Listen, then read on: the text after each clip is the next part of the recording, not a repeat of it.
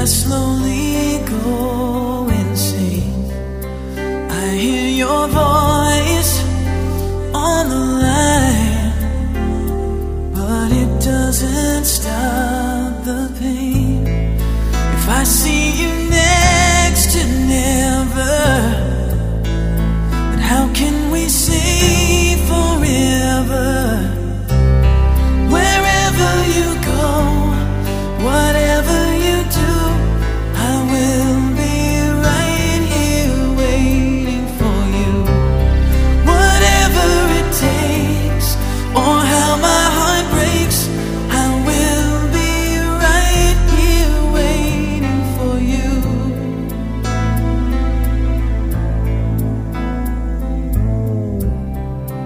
I took for granted all the times that I thought would last somehow.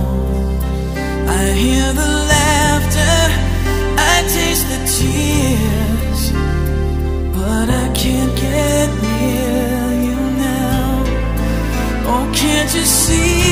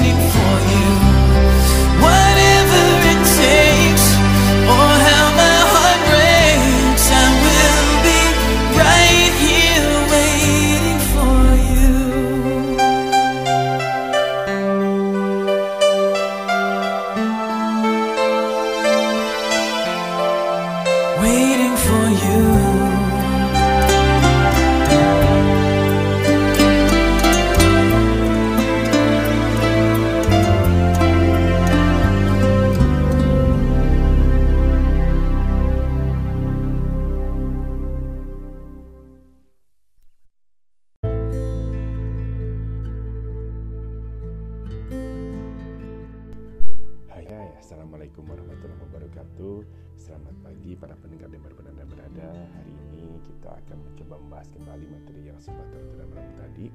Masih ber- ber- berbicara seputar masalah tindakan kekerasan atau yang disebut dengan bullying.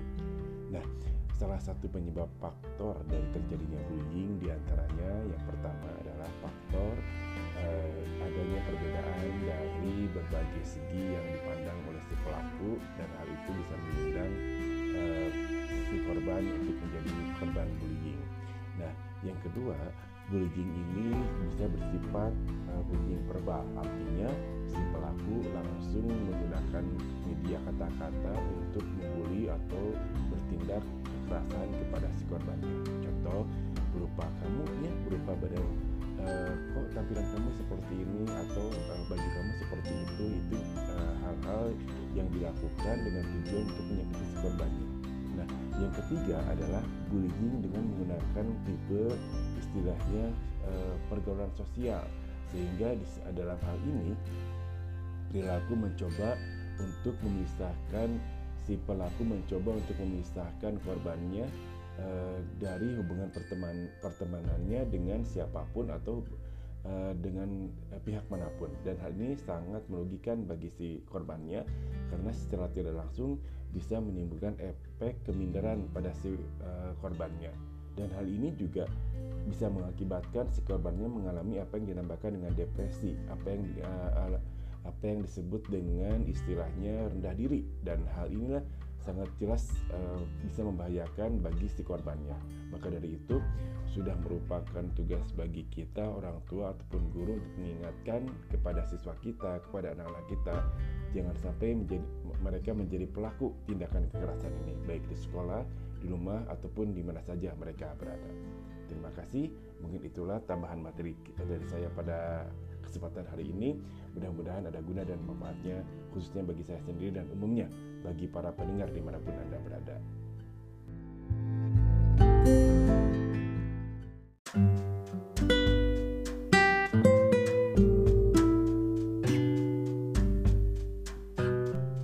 Hai hai hai, selamat pagi, selamat siang, selamat malam bagi para pendengar di mana pun Anda berada.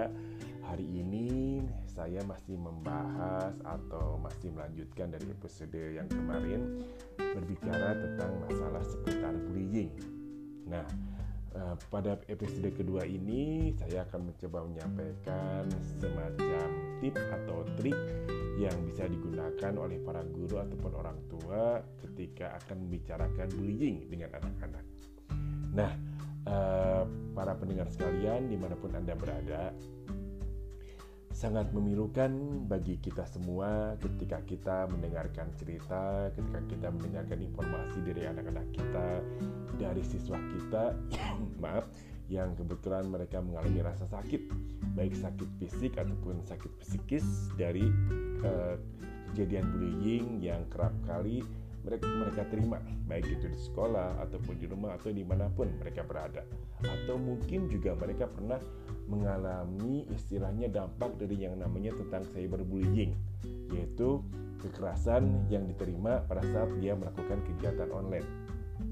Nah, mungkin masih banyak di sini para orang tua ataupun para guru yang tidak yakin bagaimana cara untuk memulai melindungi anak-anak kita dan untuk melindungi para siswa kita supaya mereka istilahnya bisa terhindar dari bullying dan kekerasan-kekerasan lainnya. Bahkan beberapa orang tua atau beberapa guru juga mungkin tidak tahu apakah siswa kita, apakah anak-anak kita mereka adalah korban, saksi atau bahkan pelaku dari perbuatan berbahaya ini.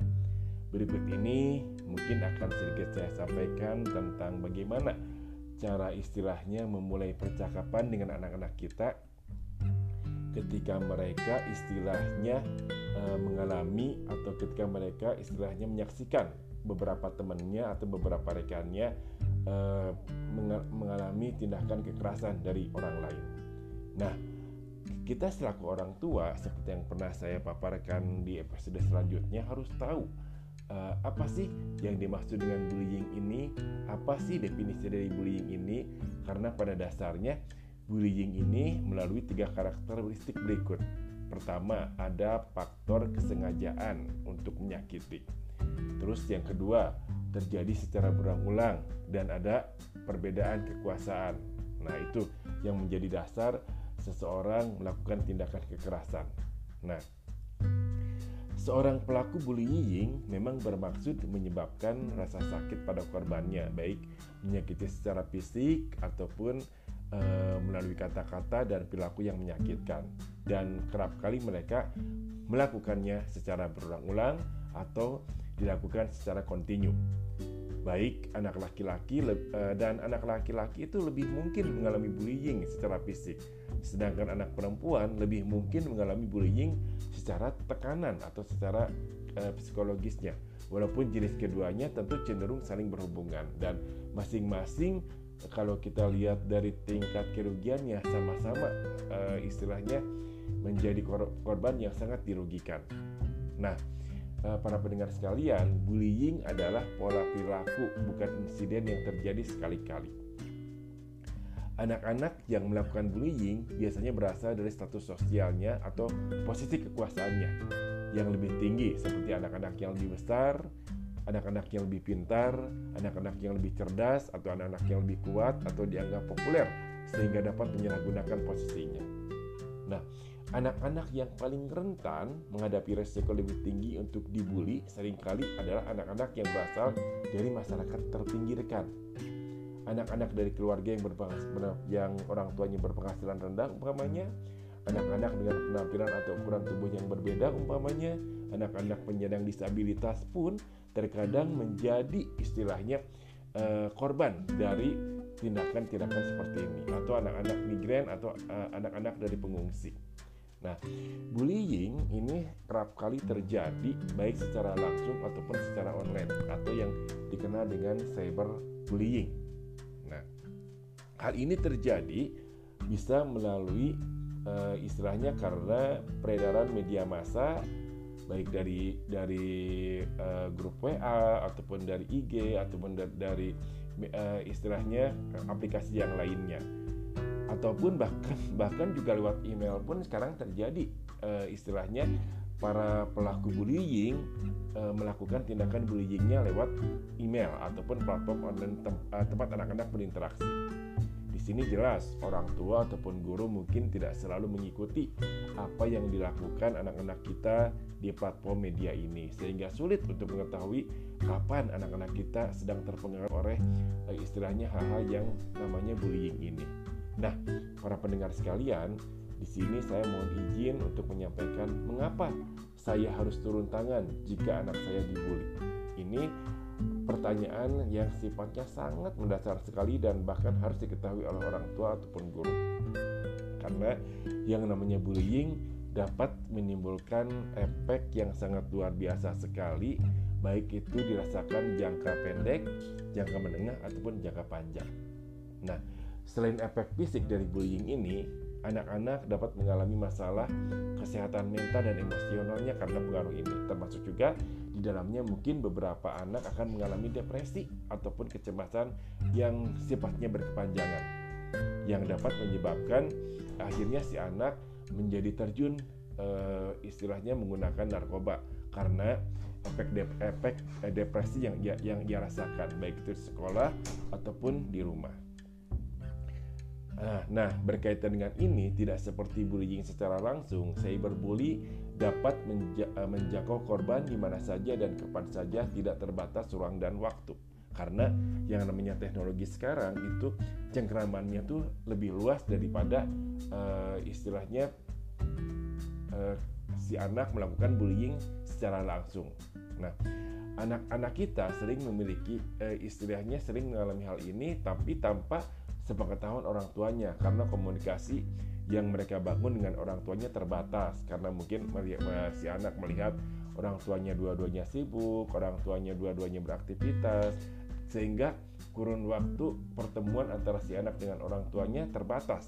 Dan dalam hal ini juga kesempatan yang istilahnya ada bagi si anak itu terbatas juga karena uh, si anak pun uh, istilahnya cenderung uh, hidup dan dengan di uh, dunianya masing-masing atau di kegiatannya masing-masing. Sehingga di sini jelas pola komunikasi antara orang tua dan anak harus dibangun supaya apa yang terjadi di anak orang tua pun tahu. Begitupun sebaliknya, uh, orang tua juga paham tentang dunianya anak yang terjadi pada saat ini. Nah, di sini jelas faktor komunikasi sangat mendominasi ketika anak mengalami bullying baik itu di rumah, di sekolah ataupun di mana saja. Nah, hal ini uh, seharusnya orang tua juga paham. Orang tua di sini harus uh, istilahnya mencoba menjalin komunikasi yang baik dengan anak-anaknya sehingga mereka tidak istilahnya uh, ada benteng sehingga uh, tidak membangun benteng antara orang tua dengan anaknya. Nah, Anak Anda mungkin memiliki hak atas lingkungan sekolah yang aman dan asli yang menghargai harkat martabat mereka. Di sini jelas ya, eh, bagaimana caranya orang tua bisa istilahnya turut di dalamnya mencegah supaya bullying ini tidak terjadi atau tidak tidak tidak dialami oleh anak kita. Pertama, ajari anak-anak kita tentang bullying. Anak-anak tuh harus tahu apa yang dimaksud dengan bullying, faktor apa penyebabnya, terus bagaimana cara pencegahannya. Yang kedua, bicaralah secara terbuka dan sering kepada anak Anda. Sediakan waktu dalam sehari minimal 5 menit untuk berbicara dengan anak-anak kita. Sediakan waktu sedikitnya setengah jam uh, kita kumpul dengan anak-anak kita uh, masing-masing be uh, bebaskan uh, kegiatan kita masing-masing. Orang tuanya yang saat saat ini bekerja misalkan di rumah uh, sediakan waktu 5 menit supaya bisa komunikasi berjalan antara orang tua dengan anak lebih baik lagi. Karena pada dasarnya, semakin sering Anda berbicara dengan anak-anak tentang bullying, semakin nyaman mereka untuk berbicara kepada Anda selaku orang tua. Mungkin selama ini kita tidak pernah menjalin komunikasi dengan dengan anak-anak kita karena kesibukan kita masing-masing. Maka dari itu, dalam hal dalam hal yang baik ini, saya saya istilahnya menyarankan kepada para pendengar semuanya, sisakan waktu dalam sehari 5 menit untuk kita bicara dengan anggota keluarga baik dengan anak dengan dengan uh, siapa pun yang ada di rumah kita supaya kita tahu bahwa anak-anak kita bahwa anggota keluarga kita mengalami kejadian apa hari ini sehingga akhirnya dari situ ada keterbukaan ketika anak mulai istilahnya uh, mengalami kejadian yang dialami pada hari itu. Nah, terus eh, yang selanjutnya bantu anak Anda agar menjadi panutan yang positif. Ada tiga pihak yang terlibat dalam bullying, korban, pelaku, dan saksi. Bahkan jika anak-anak bukan korban bullying, mereka dapat mencegah bullying dengan bersikap positif, hormat, dan baik kepada teman sebayanya. Jika mereka menyaksikan bullying, mereka dapat membela korban, menawarkan dukungan, dan atau mempertanyakan berlaku bullying yang terjadi pada temannya tersebut. Nah, faktor selanjutnya yaitu membantu membangun kepercayaan diri anak Anda. Dorong anak Anda untuk mengikuti kelas atau, berga atau bergabung dengan kegiatan yang dia sukai di lingkungan Anda atau di sekolahnya. Ini juga akan membantu membangun kepercayaan diri mereka serta menambah teman dengan minat yang sama. Yang selanjutnya adalah jadilah teladan.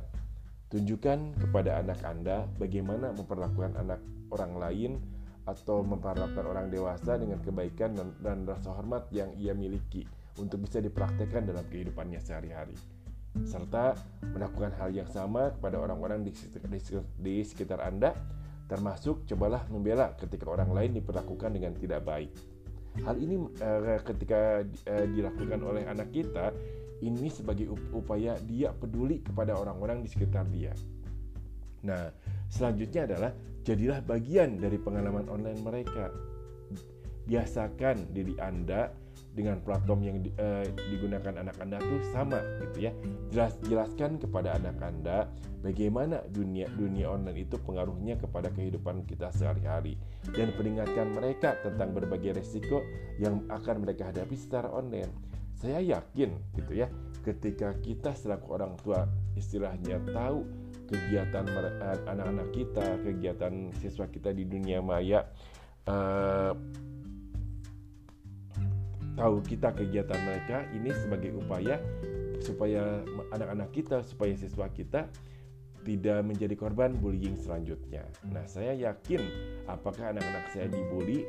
Nah, ketika kita merasa yakin eh, anak-anak kita dibully, kita harus mengenal juga tanda-tanda apa yang harus saya perhatikan. Pertama, perhatikan baik-baik, amati keadaan emosi anak kita. Karena beberapa anak mungkin tidak mengungkapkan kekhawatiran mereka secara lisan. Tanda-tanda yang harus diwaspadai oleh kita selaku orang tua dan guru adalah pertama tanda fisik seperti memar yang yang tidak dapat dijelaskan, goresan atau yang tidak bisa dijelaskan juga patah tulang atau ada luka eh, di anggota badan anak-anak kita. Terus yang kedua, anak kita takut pergi ke sekolah. Ada apa nih? Anak kita menjadi takut ke sekolah. Apakah dia ada masalah dengan temannya? Apakah dia ada masalah dengan gurunya? Atau uh, apakah dia ada masalah dengan dengan siapa di sekolah? Sehingga anak kita menjadi takut ke sekolah. Terus yang selanjutnya adalah anak kita menjadi cemas, gelisah atau sangat waspada. ini juga perlu kita waspadai. Ada apa nih anak kita berperilaku seperti ini? Apakah mereka atau anak kita menjadi korban bullying atau atau sebagainya atau uh, atau sebagainya gitu ya. Dan ini harus kita konfirmasikan dengan pihak-pihak terkait, terutama dengan gurunya di sekolah, dengan temannya di sekolah atau dengan orang tua orang tua temannya di sekolah. Karena siapa tahu anak-anak kita menjadi korban bullying dari temannya, dari gurunya ataupun dari siapa pun. Terus selanjutnya tanda selanjutnya adalah memiliki beberapa teman di sekolah atau di luar sekolah. Kehilangan teman secara tiba-tiba atau menghindari status sosial. Nah, ini jelas orang tua harus paham, orang tua harus e, mengetahui jangan sampai ini terjadi kepada anak-anak kita. Tanda selanjutnya adalah perhatikan pakaiannya. Pakaiannya alat elektroniknya atau barang-barang pribadi lainnya yang hilang atau mungkin barang-barangnya menjadi hancur gitu ya. Ketika misalkan anak kita difasilitasi handphone, ternyata handphonenya rusak atau handphonenya handphonenya hancur, kita berhak bertanya, kenapa handphonenya hancur atau kenapa uh, barangnya rusak? Apakah uh, anak kita berantem atau atau uh, ada kejadian yang lainnya lagi sehingga mengakibatkan barang-barangnya atau eh, benda-benda kepunyaan kepunyaan pribadinya menjadi hilang atau bahkan hancur. Nah, itu juga harus kita pertanyakan kepada anak kita. Tanda selanjutnya adalah sering kali meminta uang untuk alasan yang mungkin kurang jelas atau mencurigakan. Kita nggak tahu, mungkin anak kita istilahnya dipajak atau uh, dimintai uang secara paksa oleh rekannya, oleh teman-temannya, uh, terus dia nggak dalam posisi nggak punya uang eh, akhirnya dia meminta uang kepada orang tuanya dengan cara memaksa dan mencurigakan. Nah tanda yang terakhir adalah prestasi pelajarannya rendah. Ini juga menjadi tanda yang harus orang tua tahu. Jangan sampai istilahnya uh, kita nggak peduli de, uh, dengan prestasi belajar anak kita. Ketika kita mendapatkan nilai prestasi anak kita rendah, ini juga jadi tanda tanda tanya besar. Kenapa ini terjadi? Dan uh, alasannya kenapa anak kita mengalami hal seperti ini?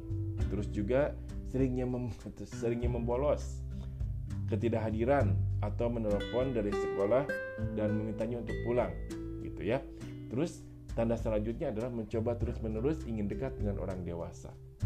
Berdasarkan uh, kasus yang sering saya yang sering saya uh, hadapi di sekolah, beberapa anak menjadi korban bullying karena ia bergaul dengan orang-orang yang, yang notabene usianya lebih lebih besar atau lebih dewasa dari mereka, sehingga akhirnya uh, siswa di sekolah saya menjadi terbawa oleh dunia mereka yang notabene cenderung membawa mereka ke arah yang negatif.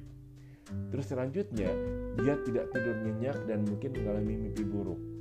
Nah, ketika anak-anak kita mengalami istilahnya tidurnya tidak nyenyak, bahkan dia sering mengigau, bahkan dia uh, sering mengalami nightmare atau mimpi buruk, kita selaku orang tua harus harus uh, mengcross check kenapa mereka berperilaku seperti itu. Apakah ada yang melatar belakangi kejadian sehingga anak-anak kita, siswa kita mengalami hal seperti itu? Terus dia sering mengeluh juga, terutama di bagian kepala atau sakit perut atau penyakit fisik lainnya. Nah, ini uh, kita selaku guru dan orang tua harus harus mengcross check juga uh, kejadian ini kenapa anak-anak kita atau siswa kita mengalami hal seperti itu. Ada latar belakang apakah sehingga mereka mengalami kejadian kejadian seperti itu. Nah, para pendengar sekalian, uh, tanda selanjutnya adalah sering merasa tertekan setelah menghabiskan waktu online atau memainkan telepon genggam atau komputer tanpa penjelasan yang masuk akal. Nah, kita boleh mengcross check HP-nya. Uh, kita harus tahu selaku orang tua. Terkadang orang tua nggak peduli gitu ya, uh, ketika uh, anak-anaknya asik di, di, di dunia handphonenya, uh, orang tua kadang-kadang uh, lupa mengcross check atau bahkan tidak tidak pernah mengcross check mereka beraktivitas apa di handphonenya? Mereka e, melakukan kegiatan apa di di dunia mayanya? Terkadang anak eh, anak-anak kita menjadi korban cyberbullying tanpa sepengetahuan orang tuanya. Nah ini jelas uh, kita selaku orang tua harus paham dan harus tahu bagaimana uh, menjalin komunikasi yang baik dengan anak-anak kita, dengan siswa kita agar mereka tidak menjadi korban bullying selanjutnya. Dan uh, apa yang harus kita lakukan? Jelas di sini bicaralah secara terbuka. Bicaralah dengan anak kita, dengan siswa kita tentang apa yang mereka anggap sebagai perilaku yang baik atau yang buruk di sekolah, di lingkungan sekitar, atau bahkan ketika mereka uh, istilahnya melakukan kegiatan secara online. Penting untuk memiliki komunikasi terbuka sehingga anak-anak kita, siswa kita akan merasa nyaman memberitahu kepada kita tentang apa yang terjadi dalam hidup mereka saat ini di sekolah ataupun di luaran sekolah. Baik, uh, para pendengar sekalian, mungkin itulah uh, trik atau tip yang bisa saya sampaikan pada hari ini mudah-mudahan ada guna dan manfaatnya khususnya bagi saya yang, yang bicaranya umumnya bagi kita semua para orang tua, para guru untuk istilahnya menyelamatkan anak-anak kita, siswa kita jangan sampai mereka menjadi korban bullying selanjutnya. Dan kalau bisa kita tekan angka peredaran bullying di rumah, di sekolah dengan cara berkomunikasi terbuka antara orang tua dan anak, antara anak dan orang tua sehingga istilahnya tidak tidak ada benteng atau sekat antara kita dengan anak-anak kita sehingga anak-anak kita menjadi generasi cerdas, generasi yang bisa membanggakan bagi kita orang tuanya dan guru-gurunya di sekolah. Wabillahi taufiq walhidayah. Assalamualaikum warahmatullahi wabarakatuh.